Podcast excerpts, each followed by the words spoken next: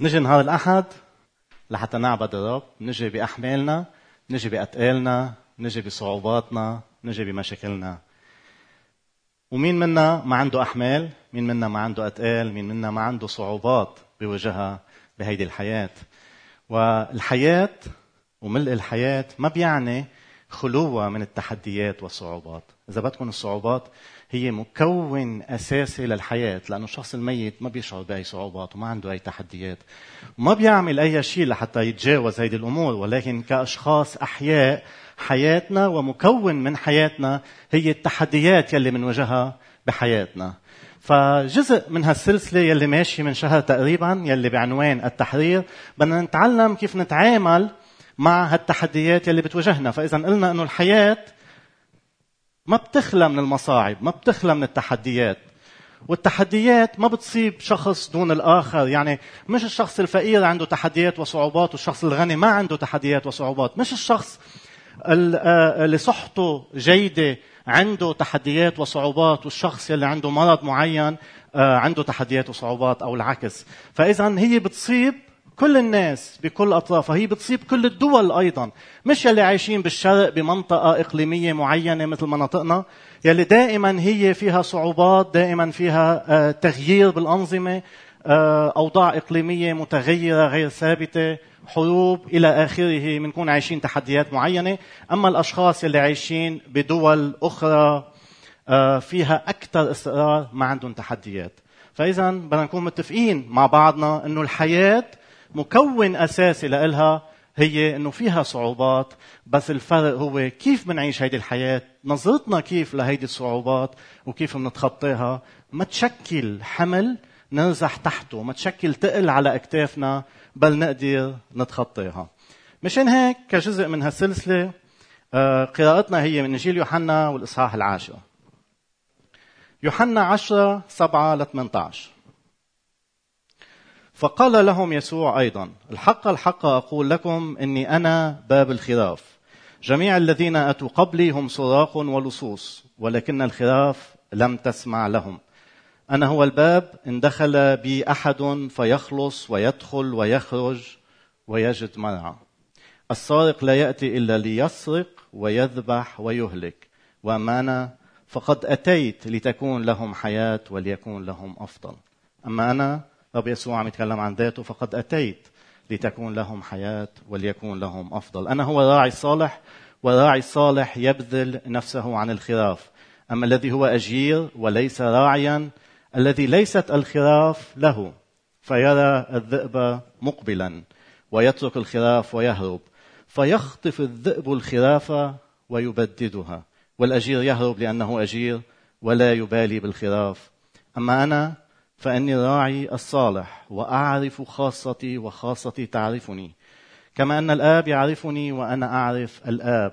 أنا أضع نفسي عن الخراف ولي خراف أخر ليست من هذه الحظيرة. ينبغي أن آتي بتلك أيضا فتسمع صوتي وتكون رعية واحدة وراع واحد. لهذا يحبني الآب لأني أضع نفسي لآخذها أيضا. ليس أحد يأخذها مني بل أضعها أنا من ذاتي. لي سلطان أن أضعها ولي سلطان أن آخذها أيضا. هذه الوصية قبلتها من أبي. آمين. إذا بناخذ خطوة للوراء وبنطلع على إنجيل يوحنا أمامنا بشكل آه، مسطح إذا بدكم. نطلع وبنشوف إنه في ثلاث محطات رئيسية بإنجيل يوحنا. ثلاث محطات رئيسية بتأكد حقيقة أنه الحياة هي في المسيح يسوع. فقط المحطة الأولى هي ببداية إنجيل يوحنا بالإصحاح الأول والآيات الأولى ثلاثة لأربعة بخبرنا كاتب الإنجيل أنه كل شيء به كان وبغيره لم يكن شيء مما كان. فيه كانت الحياة. بيسوع كانت الحياة والحياة كانت نور الناس. فإذا كاتب الإنجيل عم بخبرنا أنه بيسوع المسيح كانت الحياة بالإصحاح الأول. لحتى نوصل للإصحاح العاشر والمقطع يلي قريته عليكم يلي هو تماما نصف الإنجيل عشرة عشرة. يسوع عم يتكلم عن ذاته وعم بيقول أنا أتيت لتكون لهم حياة وليكون لهم أفضل. لحتى ننتهي بالإنجيل كمان بالإصحاح عشرين يلي هو الإصحاح قبل الأخير يلي بيتكلم فيه آه كاتب الإنجيل وبيقول هذه كتبت. كل ما سبق من الإنجيل كتب لتؤمنوا أن يسوع هو المسيح ابن الله لكي تكون لكم إذا آمنتم حياة باسمه. فإذا ثلاث محطات رئيسية.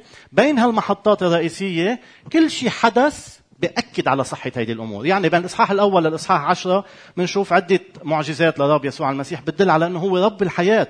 حول الماء إلى خمر. تعامل مع نيقوديموس وخبره عن الولادة الثانية. بنشوف أنه آه، آه، تكلم مع المرأة السامرية وهيدي المرأة آمنت. بنشوف أنه صار في شفاء يوم السبت. بنشوف إنه أشبع خمسة آلاف شخص إلى آخره. ومعجزات كثيرة بهالفصل هيدا بين واحد لعشرة. لحتى يوصل الإصحاح العاشر ويخبرنا إنه بيسوع الحياة الأفضل لحتى نرجع نكمل من 10 ل 20 كمان معجزات لرب يسوع المسيح. وإذا ما قريتوا هيدي يعني هالإنجيل قروا لأنه كتير حلو. من 10 ل 20 معجزات موت الرب يسوع المسيح وقيامته لحتى يعطينا حياة. فإذا كل ما أتى بين هالمراحل هو للتأكيد على هيدا الأمر. لحتى نوصل لهالمقطع يلي هو إنجيل 10 يوحنا 10 7 ل 18 بنشوف بقراءتنا إنه يسوع عم يعمل مقارنة بينه كراعي صالح وما بين رعاة مزيفين. يا هو رب الحياة اجى لحتى يعطي حياة أفضل للخراف. هو باب الحظيرة لحتى يحمي هيدي الخراف. هو راعي هيدي الخراف الصالح لحتى يأمن لك كل هيدي الأمور. أما ناس تانيين رح نشوف من إجوا لحتى يسرقوا ويهلكوا ويقتلوا هيدي الخراف. بيتكلم كمان بهالمقطع عن الحياة. ومعنى الحياة. بالاجتماع الأول سمعنا اختبار يمكن رح نسمعه بنهاية هيدا الاجتماع. اختبار أحد الأشخاص بيقول أنه الحياة الأبدية تبدأ الآن وشكرا لأنه صحيح الحياة الأبدية تبدأ الآن. الحياة الأبدية ما بتبلش لما نصير بالأبدية الحياة الأبدية بتبلش من لحظة إيماننا برب يسوع المسيح. الحياة الأبدية بتبلش من لحظة إيماننا برب يسوع المسيح وملكوت الله ببلش من هيدي اللحظة. لو كانت الحياة الأبدية بتبلش بالأبدية فقط لكانت حياتنا عبارة عن ملل وضجر كانت عبارة عن مرحلة انتظار مش أكثر أنا عايش آمنت برب يسوع وأنا عايش وناطر أنه موت وصير بالأبدية وهونيك الحياة أفضل وأريح وإلى آخره كل هيدي الأمور. ولكن لأنه ملكوت الله يبلش فينا من لحظة إيماننا لأنه ملكوت الله موجود بيناتنا ولأنه الحياة الأبدية فينا بروح القدس بقلبنا فإذا في عنا مهمة مش بس مهمتنا أنه ننطر الحياة الأبدية ولا مهمتنا أنه ننتقل من هذا المكان إلى الأبدية أو إلى المكان الآخر بل في عنا مهمة على هيدي الأرض. في عنا مهمة نعكس الحياة الأبدية للآخرين ليلي ما بيعرفوها. في عنا مهمة أنه ننهض بمجتمعاتنا. في عنا مهمة أنه نستضيف الغريب. في عنا مهمة أنه نساعد الفقير واليتيم والأرملة وكل الوصايا هيدي الموجودة بالكتاب المقدس. فإذا منعيش الحياة هيدي وعلى أساس أنه بدأت الحياة الأبدية ورح تكتمل لما نكون مع الرب منعيش على هيدا الأساس وما منعيش ناطرين فقط مجيء الملكوت لأنه الملكوت بيناتنا. معنى الحياة والحياة الأفضل. لما يتكلم الرب عن الحياة الأفضل مثل ما ذكرنا بالبداية هذا ما بيعني أنه الحياة الأفضل خالية من الصعوبات والمشاكل. أبدا مش هيدا هو نوع الحياة يلي الرب عم بخبرنا عنه. وإذا في أشخاص بيبنوا إيمانهم معتقداتهم طريقة عيشهم على وعد الرب بالحياة الأفضل على أساس أنه حياة خالية من المشاكل حياة آه، آه، بحصل على البدية حياة بعيش أنا فيها مغامرات ألف ليلة وليلة وكل ما أشتهيه أحصل عليه بيكونوا غلطانين وبيكونوا عم بيضيعوا وقتهم على هيدي الأرض. إذا الصعوبات والتحديات جزء من حياتنا.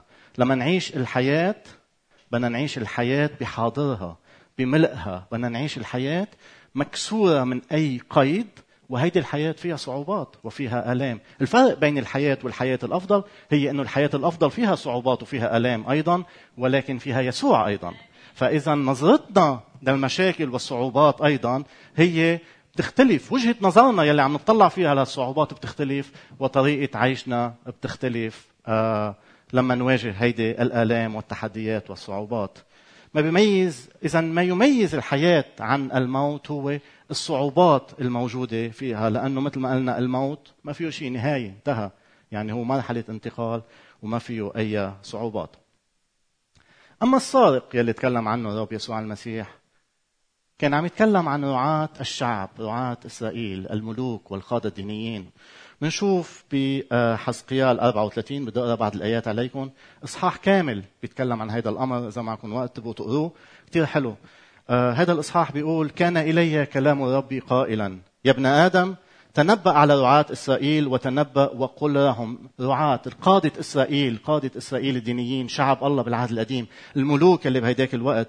هكذا قال السيد الرب للرعاة ويل لرعاة إسرائيل الذين كانوا يرعون أنفسهم. ألا يرعى راعي الغنم؟ مش وظيفته أنه يرعى الغير يرعى الغنم؟ عم يسأل الرب تأكلون الشحم؟ تلبسون الصوف وتذبحون السمين؟ ولا ترعون الغنم. المريض لم تقووه والمجروح لم تعصبوه. والمطرود لم تستردوه. والمكسور لم تجبروه. والضال لم تطلبوه. بل بشدة وبعنف تسلطتم عليهم. فلما الرب كان عم يتكلم عن السارق كانوا بيعرفوا التلاميذ اللي كانوا عم يسمعوا بأذهانهم بيعرفوا هيدا الأمر. وبوقت يسوع كان أيضا عم يتكلم عن الصدوقيين والفريسيين يلي هن كمان قادة دينيين بهيداك الوقت يلي كانوا يستعملوا مسمى الدين من أجل مصالحهم الشخصية ومن أجل تجارتهم في الهيكل. كانوا يستعملوا هيدا المسمى وهيدي السلطة لحتى يضغطوا على الناس اللي عايشين بساطة الإيمان ويحملوهم أحمال هن أنفسهم ما عندهم استعداد إنه يحملوها ولا عندهم استعداد إنه يعملوها ولا يعيشوا فيها. مشان هيك يسوع عم بيقول إنه هودي الأشخاص اجوا لحتى يسرقوا اجوا لحتى يهلكوا اجوا لحتى يذبحوا القطيع.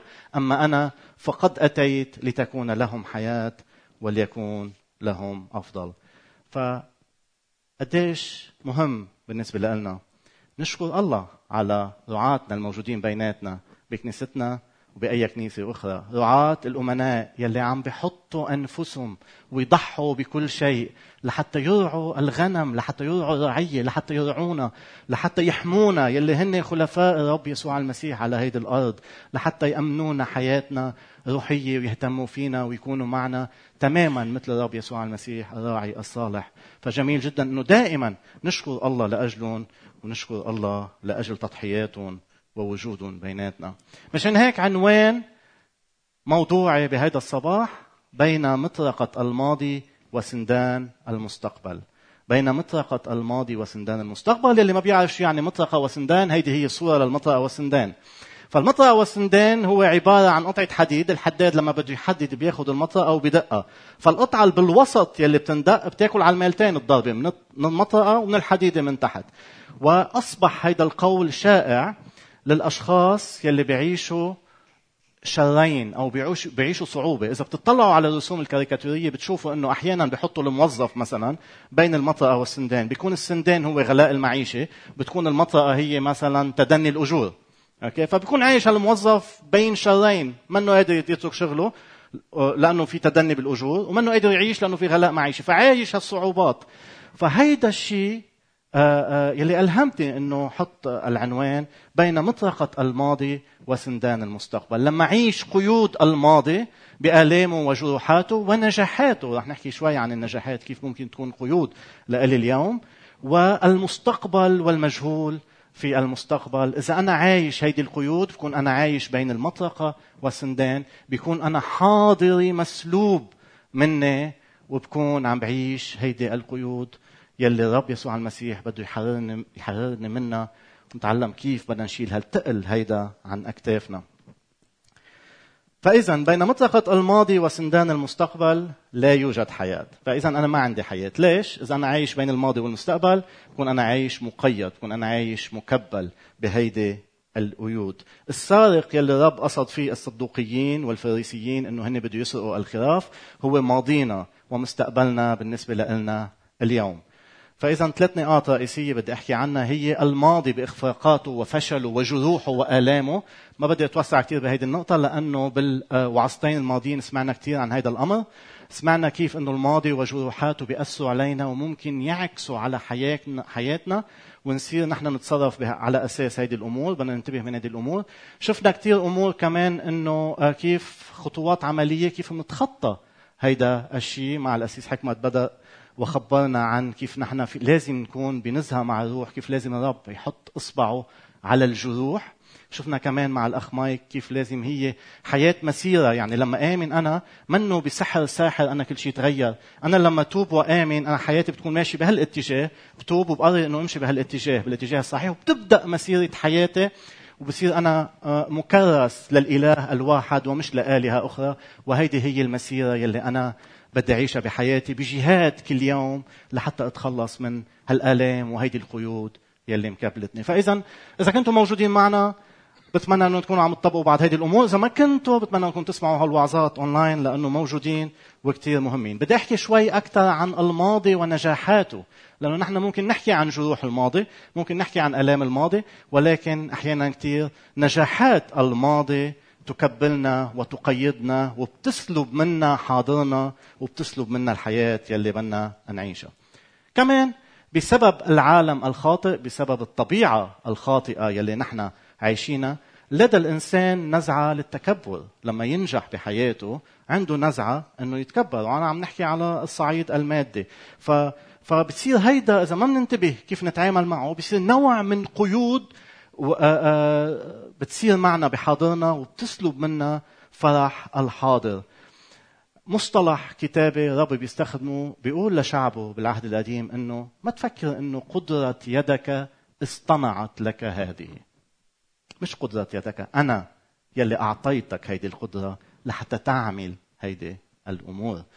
فبدنا ننتبه إنه الحياة المليئة، الحياة يلي بدي أعيشها أنا إلى الفيض، إلى الملء، منا آه، سرها منه بالنجاح يلي أنا بعمله، إذا ما بنتبه للنجاح يلي أنا بعمله وكيف أتعامل معه أنا من الماضي، رح يصير ايد يأيدني. يسوع المسيح خبرنا عن الغني الغبي، صح؟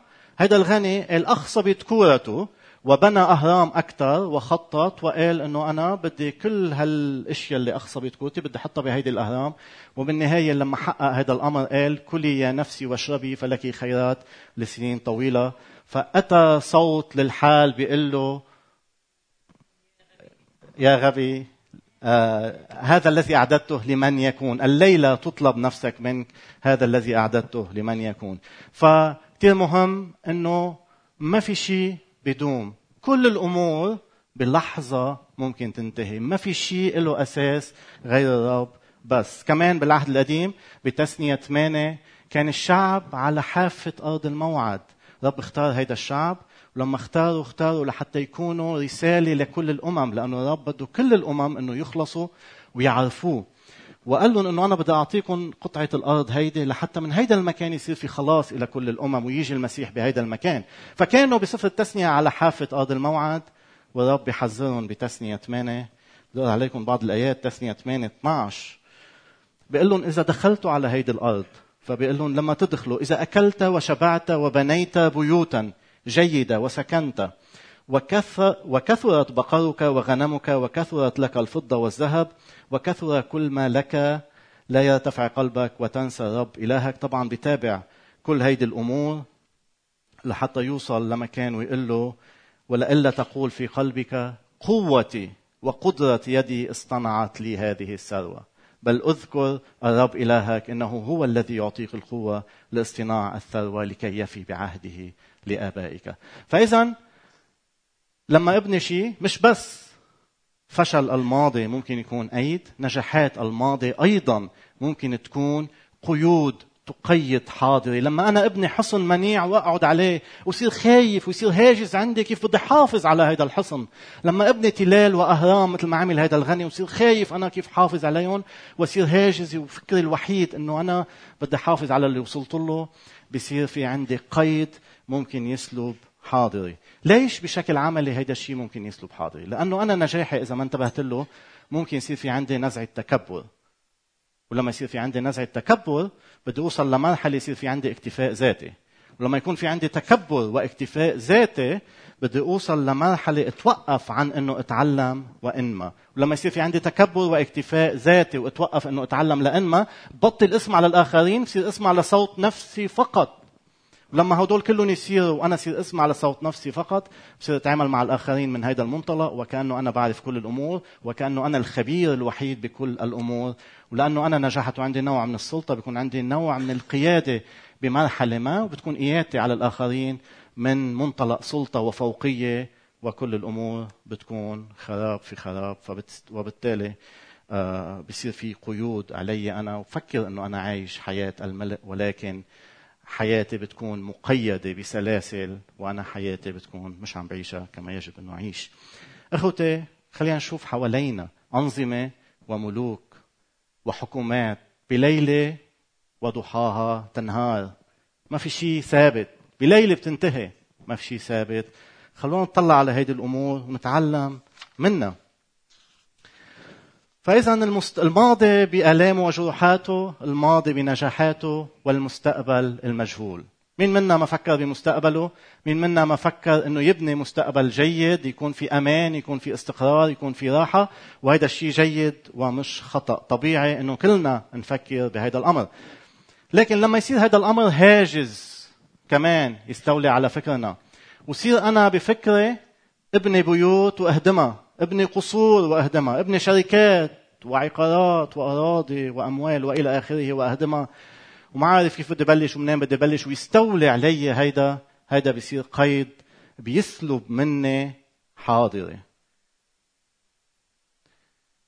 كمان يسوع عنده شيء يخبرنا بهيدا الأمر. يسوع لما تجسد تجسد بمكان ما فيه استقرار. يسوع لما تجسد تجسد بمكان فيه اضطراب سياسي. ليش؟ لأنه كانوا عايشين تحت الاحتلال الروماني. والمملكة بهداك الوقت أو الشعب اليهودي كان عايش تحت الاحتلال الروماني وبقي تحت الاحتلال وما عندهم القوى السياسية يلي تساعدهم أنه ينهضوا من هالاحتلال. فإذا كان في اضطراب سياسي كان في اضطراب عسكري. ما كان عندهم قوة عسكرية يقدروا يتخلصوا من هالاحتلال. فهن من من زمن داود المملكة عاشت بوقت داود المرحلة الوحيدة يلي عاشوا بحكم ذاتي واستقلال كامل وذاتي. من بعد داود اجى السبي الأشوري بعدين السبي البابلي بعدين إجوا الفرس بعدين إجوا اليونانيين بعدين إجوا الرومانيين وبقيوا تحت الاحتلال ولا مرة استعادوا أمجاد مملكة داود الماضية. ومشان هيك هن كانوا ناطرين المسيا المنتظر يجي قائد عسكري يحررهم من الاحتلال الروماني اللي كانوا موجود. فإذا يسوع ولد بمكان فيه اضطراب عسكري ولد بمكان فيه اضطراب اقتصادي أيضا. كانوا يعيشوا على الزراعة وإذا كان في موسم قحط أو جفاف كان الموسم كله يروح. كان في مخاوف كتير. كانوا يعيشوا على صيد الأسماك وشفنا كتير قصص بالعهد الجديد لما كانوا الصيادين من بطرس وغيره يروحوا وما يصطادوا أي شيء ويرجعوا إيديهم فاضية. فيسوع عاش بهيدا المكان الغير مستقر وعرف قلب الإنسان وتلاميذه وقال لهم بمتى لا تهتموا لحياتكم. بما تأكلون وبما تشربون ولا لأجسادكم بما تلبسون. أليست الحياة أفضل من الطعام والجسد أفضل من اللباس؟ والرب يسوع عم بأكد أنه أجسادنا وحياتنا هي أهم جدا من ما يكملها. يعني إذا كان الطعام واللباس إلى آخره أجسادنا أكثر قيمة من هيدي الأمور كلها. فاللي أعطانا الأكثر ألا يعطينا الأقل كمان؟ ويلي وعدنا بالحياة الأبدية ما بيعطينا احتياجاتنا الزمنية الوقتية. بتابع يسوع بالعدد 26 انظروا إلى طيور السماء. إنها لا تزرع ولا تحصد ولا تجمع إلى مخازن. وأبوكم السماوي يقوتها. ألستم أنتم بالحري أفضل منها؟ هيدي الطيور يلي ما بتفكر ببكرة ما بتفكر كيف بدي أجمع. أنا ما بتفكر بفصل الشتاء يلي بده يجي. كل يوم عم تهتم بيومه. كل يوم عم تاكل آه، آه، وعم تهتم بهيدا اليوم فقط بدون أي تخطيط مستقبلي. هيدي الطيور أنتم افضل منها بكثير فاذا أنا بهتم بهيدي الطيور أو ابوكم السماوي بيهتم بهيدي الطيور ما بيهتم فيكم أنتم وبيختم يسوع بالقول وبيقول من منكم إذا اهتم يقدر أن يزيد على قامته ذراعا واحدا. يعني كل قلقكم وكل اهتمامكم حتى لو اهتميتوا ما في شيء رح يتغير حتى لو قلقتوا ما في شيء رح يتغير. ما رح تقدروا تعملوا شيء إلا انكم تسلبوا حاضركم وتعيشوا بقيود لأنه لما اقلق واعيش بقلق وهاجس المستقبل المجهول أنا عم بعيش بقيود. أنا عم ببني قيود لنفسي وعم بعيش فيها مع العلم إنه أنا ما عندي أي سلطة على المستقبل الجاي. طبعا خياراتي بتأثر على المستقبل إذا ما بشتغل ما بعيش. إذا ما بدرس يمكن ما بحصل على وظيفة جيدة. إلى آخره كل قرار باخده بيأثر على مستقبلي. ولكن عم نحكي من منطلق إنه أنا عايش وعم بشتغل بجد وبأمانة وبكد وإلى آخره. والمستقبل المجهول يمكن انطلاقا من موقعنا بهالبلاد هيدي آه، صار هاجس بالنسبة لي صار قيد بالنسبة لي صار حمل على كتافي. فلازم أعرف إنه أنا ما بقدر زيد ولا نقص أي شيء ما بقدر زيد ذراع واحدة قلقي هيدا ما له معنى إلا إنه يأثر علي سلبا. يمكن حكينا على الأمور المادية شوي ولكن ناس بيجيها هواجس المرض. بنشوف أمراض كثيره حوالينا. بخاف إنه أمرض وبصير الهاجس تبعي إنه أنا بدي اعيش حياة صحية وبدي أعمل رياضة وهذا شيء جيد ولكن لما يصير أكثر من المطلوب بصير كمان هاجس وبصير حمل علي وبعيشني بخوف. وإلى آخره يعني أمور كثيره ممكن نخاف منها بالمستقبل. وهيدي الشيء ممكن تتحول إلى شبكة وسلاسل تأيدنا والرب يسوع المسيح أتى لكي يكون لنا حياة وليكون لنا أفضل. مثل ما قلنا الحياة ليست في الحياة الأبدية بل هون بده إيانا نعيش حياة وحياة أفضل. يلي مش يعني خلوة من المشاكل بل يعني أنه هو موجود معنا بوسط المشاكل وبوسط هيدي العواصف. بين مطرقة الماضي وسندان المستقبل ما في حياة. إذا عايش بهالقيود بين الماضي والمستقبل أنا ما عندي حياة.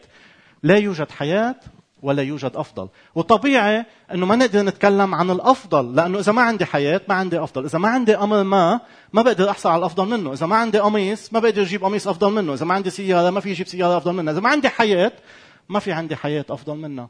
فإذا ما عندي حياة ما عندي أفضل نهائيا. فبدي يكون عندي حياة أول شيء. وأكسر هيدي القيود من الماضي سواء بنجاحاته أو جروحاته والمستقبل بما هو ليس معلوم بالنسبة للمستقبل وكل الصعوبات اللي عم نعيشها لحتى أعيش الحاضر أنا بملئه لحتى أعيش حاضري بملئه ويكون عندي حياة أفضل. شي مرة كانت معنويتكم أو روحكم مرتفعة وواجهتوا مشكلة؟ لاحظوا إذا كانت معنوياتك مرتفعة وواجهت مشكلة قد إيه بتحس حجم المشكلة؟ بتحس حجم المشكلة كثير صغيرة. ما بتحس إنه المشكلة يعني مبسوط وفرحان وواجهت مشكلة بتخطيها بكل سهولة. هذا الشيء صحيح ولكن عكسه مش صحيح. يعني إذا معنوياتك منسحقة وروحك منسحقة لو ما عندك مشكلة رح تحس إنه مشاكل العالم كلها فوق راسك. الكتاب المقدس بيعلمنا إنه الجسد المنكسر تحمل روحه، يعني إذا الروح مرتفعة بتحمل الجسد المنكسر، إذا واجهت صعوبات، إذا واجهت ألام، ولكن الروح المنسحقة فمن يحملها؟ بيسأل الكتاب المقدس من يحملها؟ إذا روحي أنا منسحقة من يحملها؟ فبدنا نعيش ومعنوياتنا مرتفعة بدنا نعيش وحياتنا مرتفعة لحتى الصعوبات اللي بنواجهها اللي هي أمر طبيعي إنه نواجه صعوبات نقدر نتخطيها مع وجود الرب بحياتنا. إذا كنت عايش مقيد بدي منك تحدد هيدا القيد تسميه باسمه. شو اسمه؟ هل أنا مقيد بجروحات الماضي وآلام الماضي؟ مثل ما سمعنا مع الأسيس ومع الأخ مايك. هل أنا مؤيد بنجاحات الماضي؟ بنيت أهرام وبنيت تلال وبنيت حصن بنيت برج عاجي وقاعد فيه أنا لحالي. ما عم بحس مع الناس وبعيد عن إلهي ومفكر أنه أنا وصلت إلى القمة ووصلت إلى الذروة وهيدا هو النجاح وهيدا هو التحقيق الأكمل. هل أنا خايف من المستقبل؟ وهل المستقبل أصبح هاجس بالنسبة لإلي؟ وبدي أعمل مستحيل لحتى أعمل أي نوع من الأمان أي نوع من الضمان أي نوع من آه، آه، آه، الحماية بالنسبة لإلي. إذا عم بعيش هيدي القيود بدي إنه نحدد هيدي القيود اليوم نسميها باسمها ونتحرر منها. إنه نكسرها. مفتاح المعادله وسر هالمعادلة كلها هو بحاضرنا يلي نحن عايشينه. ملء الحاضر يلي نحن عم نعيشه. حاضرنا إذا أنا بقصد عن قصد إنه عيش حاضري عيش اليوم بملئه بفرح رغم كل الصعوبات ورغم كل الأمان بكون أنا بلشت على الطريق الصحيح. ليش؟ لأنه حاضري بمرحلة ما كان مستقبل بالنسبة لإلي. امبارح هو مستقبل بالنسبة لليوم. فإذا أنا اليوم بسعى إنه اعيش للملء بسعى إنه اعيش حياة أفضل مثل ما الرب بده إياني إنه اعيشها فأنا بكون عم بشفي وبكون عم بغذي ماضية. إذا أنا اليوم بحاضري بسعى أنه أعيش للملأ بكون أنا كمان عم بساهم بمستقبلي. فإذا المفتاح لهيدي الدائرة هو الحاضر. okay؟ الماضي والمستقبل مرتبطين بالحاضر. حاضري بمرحلة من المراحل كان مستقبل وحاضري بمرحلة من المراحل راح يصير ماضي. فإذا هي دائرة مقفله okay؟ فإذا أنا بهتم وعن قصد بسمي القيود اللي عم تقيدني وإذا أنا بقول بدي أعيش حياتي للملء مع الرب ورغم كل العواصف اللي عم تعصف فيي رغم إنه أنا أحيانا ما بفهم شو عم بيصير أحيانا نمرق بظروف كثير صعبة لدرجه إنه ممكن نشبه هيدي الظروف الصعبة بباخرة بوسط البحر يلي عم تغرق ويمكن باقي هذا العمود بالنص تبع الباخرة تبع الشراع وأنا متمسك فيه. أكثر من هيك ما بعرف. أكثر من هيك ما بعرف. بعرف إنه أنا عم بعيش بأمانة للرب بعرف إنه أنا عم بعيش آه، آه، وعم بعطي كل ما بقدر وعيش بأمانة أمام الرب بس في ظروف صعبة حوالي هذا بيكفي إنه أنا أعيش بأمانة للرب وأتكل عليه رغم كل الصعوبات مش لازم أفهم كل الأمور. يوم ما رح تتجلى كل هيدي الصورة قدامي رح أعرف شو عم بيصير معي. المهم أنه أنا رغم هيدي الصعوبات أعيش اليوم أعيش حاضري بملئه إلى التمام. أعيش الحياة الأفضل يلي يسوع بيوحنا عشرة عشرة قال أنا أتيت لتكون لهم حياة وليكون لهم أفضل. أمين. خلونا نحن أمام الرب. بالصلاة أمام هذه الحقيقة يا رب اللي وضحتها أمامنا في هذا الصباح.